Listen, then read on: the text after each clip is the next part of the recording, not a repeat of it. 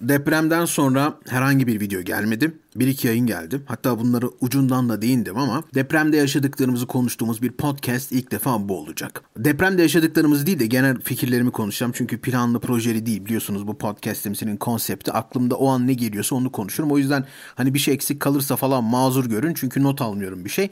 Konsepte ters video gibi değil bu. Yaşanan felaketi, yaşanan kıyameti tam olarak idrak edebildiğimizi ya da boyutunu tam olarak algılayabildiğimizi hala sanmıyorum kolektif olarak yani dışarıdan olanlar bölgeden olmayanlar için diyorum. Hele hele bu tahribattan sonra bir de psikolojisini, travmasını bunları da algılayabildiğimiz veya konuştuğumuzu da sanmıyorum açıkçası. Önce buradan başlayalım. Depremden iki gün önce bizim bir space odamız vardı. Ee, odanın 8. veya 9. saatinde olmamız gerekiyordu. İstanbul bir sallandı. Hatırlar belki bazılarınız. Küçükçekmece tarafındaydı galiba. Orada bir deprem muhabbeti geçti bizim. Hatta ertesi gün veya o akşamdı galiba TT'ye girdi deprem. Oğuzhan da çok hatırlıyorum Twitter'a girdim çünkü Oğuzhan birine yorum yazmış ya depremi niye gündem yapıyorsunuz abi falan filan diye. Hani pardon depremi niye kullanıyorsunuz? De, Tegini niye kullanıyorsunuz bot hesaplarında falan. Ben de ona şey yapmıştım. Çok garip, çok ironik bir şekilde veya hayatın artık nasıl diyeyim tesadüfü deprem bu şekilde bir iki gün evvel şeye girmişti bir. Akıllarımıza bir girmişti. Tabii böyle bir şey aklımızdan bile geçirmiyorduk. O ayrı bir konu. Biz de şeyi konuşmuştuk. Ya bir deprem yayını falan yapılsa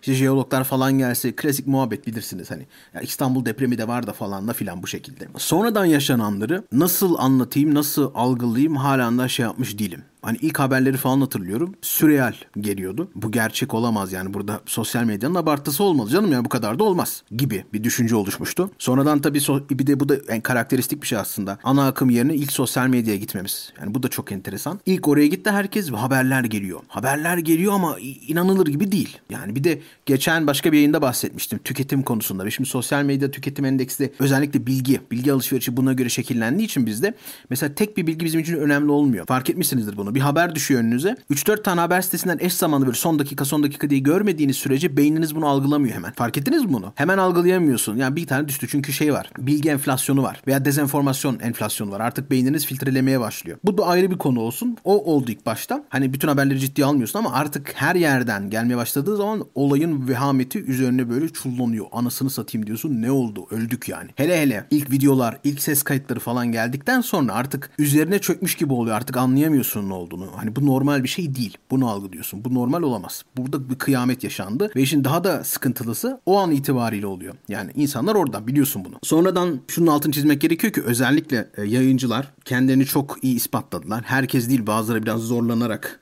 Bazıları biraz zorlanmak durumunda kaldı. Niye bilmiyorum. Hani bunun nesinden çekiniyorlar. Bu siyaset üstü bir olay. Felaket sonuçta. Olsun ama yine de herkes elinden geleni yaptı. Bağışlar toplandı. Gelelim bizim konumuza. Bizim space'lerimiz niye farklı oldu? Organizasyon konusunda bu çok konuşuldu. Benim çözümlemem şu şekilde. Twitter özellikle space'lerin, Twitter space'lerin karakteristik bir özelliği var. Bu da organik etkileşim. Yani Twitch'te, YouTube'da bu normal yayınlarda olmayan bir etkileşim var. Anında ulaşabiliyorsun, yukarı çekebiliyorsun. Clubhouse'daki gibi işte space konusu. Biz de bunu açtığımızda ilk hedefimiz şuydu. Bölgeden biri bağlansın. Aga ne oluyor? Ve bu kadar. Çok basit bir soru. Ne oluyor yani? Bir anlat. Bir birisi çıksın anlatsın. Bütün mevzu buydu. Şimdi tabii ilk kişi bağlandı, anlattı ve anlattıkça da yani olayın vehameti bir de şu. Bunu da altı, konudan konuya giriyorum biliyorum da mazur görün. Olayın vehameti bir de şu. Maddi zar elbette hani ölüm üstüne yıkıp bunların hepsi kesinlikle ama bir de işin psikolojik kısmı var. Bir travma kısmı var. Şimdi olay yaşanıyor diyelim ki kendi dışarı attın. Bir şekilde dışarı çıktın. Bir nefes aldın baktın etrafında sessizlik.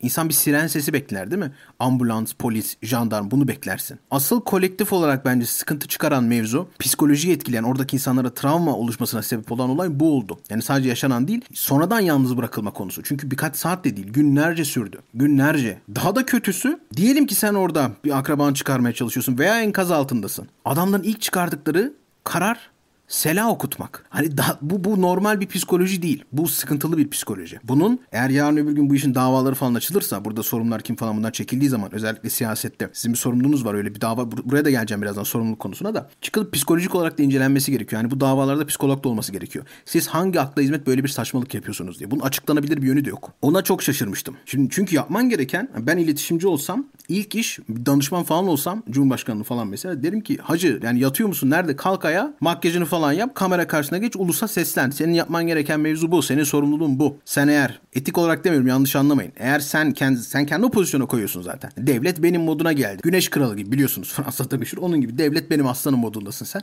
O zaman çık da görelim seni. Ama sen günlerce ortalıkta yoksun. Bunu da ilk defa yapmıyorsun. Kriz durumlarında ortaya çıkmıyorsun zaten. Bunun sebebi de şu. Felaketle birlikte anılmak istemiyorsun. Fotoğraf vermek istemiyorsun. Bu iletişimle alakalı bir şey. Propaganda ile alakalı bir şey. Zaten ilk çalışan mekanizma şey değil. Kurtarma mekanizması değil. Görüşme mekanizması değil. Hiçbiri değil. İlk çalışan mekanizma iletişim bakanlığının mekanizması oldu. Burada bir sıkıntı var. Pardon iletişim başkanlığının mekanizması oldu. Bakanlık değil başkanlık. Burada bir sorun var. Ben olsam derdim. Yani ilk tıpkı Amerika'da olduğu gibi eskiden de bizde olduğu gibi dünyada da olduğu gibi senin bir ulusa seslenip biz burada izlemen gerekiyor. Her şey fiziksel olarak her şey geç. Psikolojik olarak. Abi kimse yok. Kimseden bir açıklama gelmiyor. Onun yerine sela okunuyor. Lan siz psikopat mısınız? Yani ne yapmaya çalışıyorsunuz? Hani korku iklimi yarat desen, insanları korkut desen benim aklıma daha psikopatça bir şey gelemez. Hani elime böyle bir görev verseler düşünüyorum mesela deseler ki oğlum yani öyle bir şey yapman gerekiyor ki maksimum zarar çıksın buradan. Hani olabildiğince insan ölsün, olabildiğince insan zarar görsün. Korku iklimi olsun. Millet birbirine girsin. Ulan acaba yok hayır tamam aklıma bir şey geldi de neyse. Şimdi elimden geleni benim bile aklıma gelmez. Şeytanın aklına gelmez. Yani düşünüyorum mesela bu haberi geldi. Aman böyle oldu falan. Bizden daha fazla verileri var sonuçta ellerinde. Ve ilk aklına gelen şey selaları okutalım. Şimdi bizim açımızdan bakıyorsun büyük rezillik. Şimdi travmanın sebeplerinden biri de bu. Birazdan travma siyasetine gireceğim. Bu çok büyük bir travma bıraktı. Yani olayın sadece yaşanması değil. Sonrasından olanlar. Sonrasında biliyorsunuz Space'ten. Şimdi geri toparladım konuyu toparlaya toparlaya Space'e geldim. Space'ten biz o kişiyi alıyoruz soruyoruz. Diyor ki yani post apokaliptik film gibiydi ortam. Hakikaten böyle I Am Legend falan gibiydi. Abi diyor sokakta dolaşıyorum. Ay- ayakta bir tane bina yok. İnsanlar enkaz altından inliyor. Yiyecek içecek yok. Nereye gideceğiz belli değil. Benzinimiz yok. Yani film gibi. Görevli yok mu? Yok. Yok kimseyi... gö- Bir de iki gün, üç gün sürdü bu. Adıyaman'daki arkadaş hatırlıyorsunuz Space'i dinleyenler. Sonradan insanların birbirine girmesi, yağmalar, soygunlar da oldu. Bunlar hepsi bunun parçası. Apokaliptik bir ortam vardı. Kıyamet gibi bir ortam vardı. Yani mevzu sadece yaşanan değil. O ayrı bir şey. Onu da konuşacağız. Yani siz konuşmazsanız biz konuşacağız canım. Bu müteahhitleri, hangi siyasiler bunlara izin verdi, nasıl yapıldı, kim o göt verenler. Bunların hepsini konuşacağız. Onlar ayrı konular. Ama hadi bu boku yedin. Hadi bunları yaptın. Affedilir bir şey değil de. Lan bari işini düzgün yap. Göt. Hani olduktan sonra bari düzgün yap. Sorumluluktan kaçma. Bence psikolojik olarak hala kendini muhalefet falan sanıyorlar. Ben böyle yorumluyorum. Bunun başka bir açıklaması yok çünkü bence. Hala sorumluluk bizde değil kafası var. Biz iktidar olmadık yani. Biz hala muhalif. Kime muhalif belli değil ama anladın mı? Hep birileri var böyle. Dışarıda işte. Eskiden daha kaliteliydi. Daha böyle örgülü düşmanlar vardı. İşte Ergenekon vardı. Derin Devlet, Beyaz Türkler birileri vardı. Şimdi artık hani düşmanın da düşman, hayali düşmanlar. Sonra kendi içlerinde kavga ettiler. İşte Davutoğlu oldu, Babacan'la kavga. Şu bu falan filan yani. Sürekli birileri var. Engel oluyor sistemin çalışmasına. Kökten sistem sonra sistemi düşman ilan ettiler. Kökten sistemi değiştirdiler. O da yetmedi. Hala muhalifler ama kime belli değil. Yeter ki sorumluluk sorulmasın. Muhalif. Kendine muhalif. Rezilliklerim hani liste yapmam gerekiyor hakikaten. Hakkını veremem burada. Hani sırf şimdi kafamdan söylediklerimin hakkını veremem. Koordinasyon konusunda oraya yığılmasının, bir türlü işe yapılamamasının, gönüllerin gidip de oğlum siz niye geldiniz diye azar yemelilerin, kimin nereye gideceğini bilmemesinin, işte ne bileyim yardımların sokağa dökülüp işte suların orada donmasının bilmem neler bilmem neler yağması şuyu buyu askerle yaşanan mevzular biliyorsunuz. Bir değil ki. Bir değil ki. Şimdi bunun eleştirileri yapılıyordu. Ben bunu ilk yapan olmak istemedim. Ben dedim ki ilk başta ilk iki gün önemli. İlk üç gün önemli. Burada para da önemli değil. İlk iki gün bir mont, bir battaniye, bir çadır bir milyon dolardan daha değerliydi. Para gelir akar bir şekilde. İlk bunlar olacak. O yüzden ben buraya yoğunlaştım. Başka hiçbir şey konuşmadım. Adamların derdi yani kraldan çok kralcılar hemen çıkıp da aman devlet kötü, aman şöyle oluyor, aman böyle oluyor diye. Bu psikolojiye de geleceğim birazdan. Bu göt verenleri psikoloji kim aşıladı? Niye böyle bir şey yaptılar? Bunların hepsine gireceğiz. Nasıl? Tarih açısından bu nasıl oldu diye. Geleceğiz. Ecevit konu olduğu zaman devlet enkaz altında kaldı demesini biliyordun da o gavur devleti miydi? Düşman devleti miydi de? Onu kötüleyip vurmasını biliyorsun. Oradaki polisi, askeri, bakanı ve lideri, cumhurbaşkanını aşağılamasını, kötülemesini biliyorsun da. Şimdi konu olduğu zaman niye devlete bir kutsallık yüklüyorsun? Niye ikiyüzlük? Bunların hepsine geleceğiz. Yaşananlar daha fazlası da var da yani tamam uzatmıyorum. 20-25 dakika falan olması gerekiyor bunun. O yüzden fazla da giremeyeceğim ama Space'lerde herkese teşekkür ediyorum bir de bunu da söyleyeyim buradan. Herkese kim destek çıktıysa. Ya da Jaws'ı çok kötülüyorlardı. Aman ne işim var çoluk çocuk ergen anlamıyor derinliği yok falan. Jaws inanılmaz çalıştı. Merkez gibi çalıştı. İnanılmaz mekanizma kurdu. Hemen teşkilatlanmaya gitti. Yani o, o yüzden bana bırakın. Ben birinde bir şey görüyorsam demek ki vardır bir bildiğim. vardır bir bildiğim. Yani ben tabii şey değil genel siyasetten bahsetmiyorum. Beni ilgilendiren konularda bırakın kendi kararımı vereyim. O manada diyorum. Jahreyn çok kötülen. Jahreyn hemen ortaya atladı. Jahreyn'i sevin ya da sevmeyin. Bana da çok kişi ulaşıyordu. Özellikle işte daha böyle ciddi diyeyim Yani gazeteci camiasından, arkadaşlardan şuradan buradan. Ya bunda ne işiniz var? Bunu işte katmayın. Böyle yapıyor, şöyle yapıyor. Çok eleştiri geliyordu. Ama o da kendini ispatladı. Benim için kritik dönemlerde, kriz dönemlerde insan kendini ispatlar. Bu ikisi de kendini ispatladı. Çok net. Ben biliyordum zaten böyle olacağını da siz de görmüş oldunuz. Geçelim bu şey konusunu. Neden Space'lerden organize olundu? Çünkü bağlanıyordu o arkadaş. Yine oraya yine konuyu bitirdim. O arkadaş bağlanıyor. Travmasını anlatıyor ne olduğunu. Hemen ardından biri bağlanıyor. Ben diyor AFAD gönüllüsüyüm. Şurada şuradayız. Arkadaş adresi versin gidelim. Orada işte bizim kafamızda bir ampul şey yaptı yandı. Dedi ki biz bunu şekilde organize edemeyiz mi? Ve işler o kadar büyüdü ki yani nasıl bir şeye vardığını kendiniz gördünüz. Anlatmaya lüzum yok. Şimdi tüm bunlar yapıldıktan sonra tabii ki de ilk şeyler, sorular gelmeye başladı. İdrak ettik. Baktık ortalığa şehrin yarısı yok. Bazı apartmanlar, siteler aklımda mesela Cebrail vardı. Aklımda çıkmayacak mesela. Ney, ne, nasıl bir yerde hayatımda görmedim ama o kadar çok duydum ki o gün ne bileyim ne vardı Rönesans rezidans vardı değil mi? Kıbrıslı çocukların enkaz altında kaldığı otel vardı. Adıyaman'daydı. Yani bir sürü yer kaldı hafızamda. Belki hayatımda görmediğim yerler, görmeyeceğim yerler. Şimdi bu idrak edildikten sonra şöyle bir soru çıktı ortaya. Biz ne yaşadık? Bunun sorumlusu kim? Çok basit. Çok basit bir mantık. Ya efendim işte devlet düşmanı şöyle oluyor, böyle oluyor bilmem bir sürü tartışmalar başladı. Şimdi Tayyip Erdoğan çıktı öz eleştirisini yaptı ucundan da olsa. Dedi ki ya biz işte istediğimiz gibi olmadı falan. Yani Tayyip Erdoğan'a göre büyük öz eleştiri bu. İstediğimiz gibi yapamadık demek. Yoksa egosu kabul etmez normalde. Şimdi bakıyorum kraldan çok kralcılara. E ne oldu? Bu sövdüğün, saydığın, hedef gösterdiğin, tetikçilik yaptığın insanlar. Ne oldu? Neden aynısını Cumhurbaşkanı'na söylemiyorsun? Çünkü kraldan çok kralcısın. Onurun yok ki oğlum. Omurgan yok senin. Adam olsan, tutarlı olsan çıkar ona da dersin onu. Sayın Cumhurbaşkanı yanlış yapıyorsun. Bak haddini bil falan dersin değil. Niye diyemiyorsun? Yavşaksın çünkü. Şerefin yok ki. Şimdi bu eleştiriler yapıldığı zaman şey çok geldi bana. Ya sen de çok konuşuyorsun. Ecevit'i de kötülesene kardeşim hep aynı adamı kötülüyorsunuz. Efendim bu ciddi tamam bir soru olarak alayım bunu. Ecevit'i de kötüleseydiniz ya. Değil mi? Arkadaşım sebebi şu çünkü. Ecevit'i kötülemek zorunda değilim. Zorunda değildim. Bak çok önemli bir cümle. Zorunda değildim. Neden? Çünkü Ecevit bunu zorunlu bırakmadı bana. Ecevit bütün güçleri kendisini toparlamadı. Güçler ayrılığını ortadan kaldırıp bütün kurumları kendine bağlamadı. Dolaylı olarak da bir kurum çalışmadığı zaman o kurumu eleştirebiliyordum ben. Ecevit'i bağlamazdı bu konu. Sembolik olarak senin hükümetin falan derdim belki. Ama Ecevit'in kendisini bağlamazdı bu. Ona da rahatlık. Ama sen böyle mi yaptın? Sen ne dedin? Çok çocuğu anlatır gibi sikik bir argümanla. Bir araba düşün, bir direksiyon var,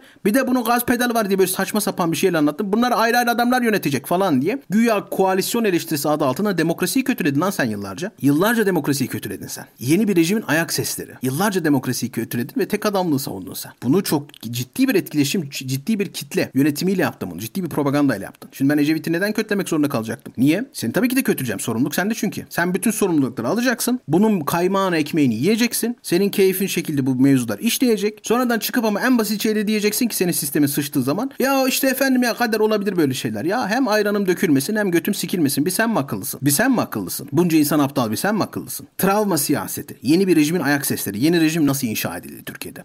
Çok enteresan. Bunları da konuşalım. Şimdi o dönemki devlette bir sıkıntı olduğu zaman ki bunun bir sürü şey var. Hadi bahsedelim bunlardan. Ben çok e, sık yayınlarda da bahsediyorum. Bahsetmeye de devam edeceğim. Yeni propagandanın inşası konusunda dört kolon ve Erdoğan kült çatısı. Yani Erdoğan kültü çatı olarak bu kolonların üzerinde. Dört kolon var. Neydi bunlar? Susurluktan sonra devlete bürokrasiye bir güvensizlik aşılama. İşte bakın devlet mafya ilişkisi var diye. Bu skandalın patlaması. Aman güvenmeyin hepsi çete hepsi şöyle hepsi bilmem ne diye. Ve bundan sonra da kendin bu travmayı kullanıp halkta bir travma oldu susurluk. Bakın ama biz öyle miyiz? Biz bitirdik. Mafya mı kaldı? Söylemi. Bunu çok kullanıyor. Bunu çok kullanıyorlardı da Serhat Peker patlattı bunu biliyorsunuz. Yarıldı o kolon. Şimdi diyemiyorlar. Mafyayı bitirdik de. De de göğsün millet sana götüyle. Yemiyor artık. İkinci kolon çok sık kullanılan bir kolon. Bu da bir travma. Travma siyaseti o yüzden diyorum ya. Milletin travmalarını tetiklemek. Bu travmalar tetiklendiği için zaten ciddi bir sağlıklı bir seçmen ve seçilen arasında bir etkileşim olmuyor. Bu sağlıklı bir şey değil. Travmalar tetikleniyor. Bu parasosyal etkileşimin seviyesi artık çok farklı. İnsanlar bunu algılayamıyorlar biz bahsettiğimiz zaman. İkinci kolonda sıralar. Ekonomik kriz değil mi? Yani yağ bile alamıyordu şu. Bu insanlarda bir travmaya sebep oldu. Niye bunu konuşabiliriz? Yani birden vurduğu için mi? Çünkü mesela şu an yaşadığımız ekonomik kriz çok daha ağır ama uzun bir süre yayıldığı için insanlar alıştıra alıştıra artık bunu yutmaya başladılar. Kabullenmeye başladılar. O dönemde birden vurduğu için travma kaldı. Yani sabah aldığın ekmek akşam farklı fiyatta. Bunun gibi işte örnekleri var bir sürü. Duymuşsunuzdur çok net. Bu çok büyük bir travmaya sebep oldu. Burada da bir eziklenme oldu. Bu çok tetiklendi. Bakın ekonomik olarak biz işte ferahlık getirdik, refahlık getirdik. Evet belki kötüyüz ama bizden sonrası da işte daha da kötü olacak. Bizden daha yönetemezler kafası falan. Şimdi bunu da yaşadığımız için bu kolon da çöktü sayılır. Bunu da kullanamıyorsun. Yani bu travmayı da kullanamıyorsun. Tetikleyemiyorsun artık. 99 hatırlatamıyorsun. Sıraları hatırlatamıyorsun. Çünkü sırayı hatırlattığın an adam sana diyecek ki arkadaş bugün aynısını yaşıyorum ben çok da farklı değilmiş. Ben mantığı anladınız. Bunun üzerine de Erdoğan kültünün inşa edilmesi konusu var. Bu propagandanın en karakteristik özelliklerinden biri de sürekli şekilde yapılan doğrudan demokrasi vurgusu. Yani çoğunun aksine ben bunu şey diye sanmıyorum. Yani kendini meşrulaştırmak için yaptıklarını sanmıyorum bunu. Ve sadece yani bunun için yaptıklarını sanmıyorum en azından. Bence amaç sadece halka yaşananların kendi sorumlulukları olduğunu hatırlatmak değil. Aynı zamanda bu kalabalıkları kapsayan kolektif bir suç ortaklığı duygusu oluşturmak. Hani yaptıysak birlikte yaptık. Siz de seçtiniz. Birlikte bu işin içerisindeyiz. Aynı gemideyiz. Mesela o gemi örneği muhalifler için değil. Kendi seçmenin için. Biz aynı gemideyiz oğlum. Oyu verdiniz oğlum. Siz de bu işin içerisindesiniz lan. Çıkamazsın. Mafya da bu şekilde çalışır ya. Bunun sonucunda şeyde görüyorsun mesela. Adam depremzede hastanede devletten özür diliyor. Ya yük olduk falan düşün. Adam o kadar benimsemiş ki mevzuyu. Devleti sorumluluğu kendilerinden alıp halka yüklüyor. Yani adam yapması gerekeni yaptığı için teşekkür ediyor ona. Bak bu çok önemli bir şey yani. Köprüler, yollar falan da buna örnek gösterilebilir. Yapması gereken şeyi bir lütuf olarak sunmak ama bunu da neye dayandırmak? Yeni bir rejimin inşasına. Siz de bu işin içerisindesiniz. Birlikte kurduk yeni Türkiye'yi. Sen de oy verdin. Sen de destekledin. Vazgeçemezsin. Birlikte bu işin içerisindeyiz. Her ne kadar görsen de saçmalıkları bir şey diyemezsin. Sen de varsın bu işin içerisinde. Götün yiyorsa de bakayım. Bu yeni rejimin ayak sesleri konusunda da başka örnekler verelim. Bu bahsettiğim kolonlar, bu bahsettiğim kolonlardan bahsedilirken acımasız bir şekilde devletin bütün mekanizması yerle eksan ediliyordu. Devlet enkaz altında kaldı. Siz adam mısınız da şöyle böyle. Herkesi kötüleyebiliyorsun. Polisi kötülüyorsun, askeri kötülüyorsun, başkanları kötülüyorsun, cumhurbaşkanını kötülüyorsun, herkesi kötülüyorsun, saldırıyorsun. Bunu rahatlıkla yapıyordun o dönemde. Niye? Gavur devleti miydin? Hani devletin kutsallığı kaldı? Devlete saldırıyordun ya. O zaman niye saldırabiliyordun? Şimdi ise en basit eleştiriyi bile hemen şeyinde boğmaya çalışıyorsun. Sebebi ne bunun? Şu anki devlete yani şu anki rejime bir kutsallık yüklüyorsun da. Senden önceki hükümetin günahı neydi? Ki senden çok daha az sorumluluğu vardı. Senden çok daha suçsuzdu. Ortada bir güçler ayrılığı vardı. Kafasına göre iş yapamıyorlardı. Neden yapıyorsun? Söyleyeyim çünkü bunu. Bunun ayak sesleri vardı. O kadar uzun süre kötülendi ki başka bir devletmiş algısı oluştu. Kendi vatandaşlarını hastaneye hapsediyor işte. Türbanlı şeyleri şeyden atıyor falan 28 Şubat'a. Halbuki 28 Şubat buna indirgenecek bir mevzu da değil. Her şey buna indirgendi. Kitleleri resmen devlet düşmanlığı aşılandı. Şaka değil mi şimdi? Çünkü en çok kendilerinin kullandıkları bir söylem bu şu anda. Ama kitleleri bir devlet düşmanlığı aşılandı. Oradaki bakanlıklara, bakanlara, hükümetler hepsine ve demokrasi kötülendi. Çok fazla ses çıkıyor. Yani demokrasi o işte zaten. Her yandan bir ses çıkıyor. Öyle ülke yönetilmez. ne yapalım? Triumvirlik mi kuralım? Yaptığımız bir dönem sonradan. Tıpkı Gaius Caesar gibi. O da aradan çıktı. Kendi başına yönetiyor şimdi. Triumvirlik yaptıkları da altılı basa. O da ayrı konu. Neyse tamam. Anlıyorsunuz değil mi bu kültü arkasındaki? Şu anda adam çıldırıyor. Ucundan eleştirsen bile. E sen demediğini bırakmamışsın zamanında. Millette gösteriyor tabii. Zamanında böyle demişsin falan diye. Lan adam bunu saklamıyor ki zaten. Diyor bu diyor yeni Türkiye. Bu diyor farklı bir Türkiye. İşte kurumların isimlerinin değişmesi. Yeni rejim. Değil mi? İşte bunun başına şunu koyalım. Türk Hava Yolları'na bile. İşte yurt dışında Türk, e, Türkiye demesinler, Türkiye desinler. Millet de diyor ki ya yanlış anlaşılmadan dolayı. Hayır bunlar ondan dolayı değil. Bunlar ondan dolayı değil. Burada bir yeni rejim inşa ediliyor. Nation building dediğimiz mevzu bu. Yeni bir kimlik yaratılıyor. Türklük tanımı yeniden konuyor. Anayasa tartışılıyor. Burada bir ülke kuruluyor aslına baktığınız zaman. yani aynı ülke değil. Ülke içerisinde ülke kuruluyor. Bunu yaparken de eski Türkiye yani farklı bir devletmiş gibi kullanılan dile bak. Düşman gösteriliyor. İnsanlar düşman ediliyor. Kendi askerine düşman edilmedi mi insanlar? Yapıcı bunu Ergenekon'da yaşadık. Teröristmiş gibi yargılanmadı mı ordu? Teröristler sanık olmadı mı? Abdullah Öcalan zamanında lisede işte namaz kılıyormuş da diye milyonlarca insana sempatik gösterilmeye çalışılmadı mı? Bunları yaşadık. Şimdi bunu algılamak gerekiyor. Rejimi bu şekilde kurdular. Buraya bir kutsallık yüklediler. Şimdi sen ağzını açıp bir eleştiride bulunamıyorsun. Kraldan çok kralcılar hemen atlıyorlar. Neyse. Yine konular darmadağın oldu biliyorum. Kusura da bakmayın. Ama anlatmak istediğim şeylerden biri buydu. Kendinize iyi bakın.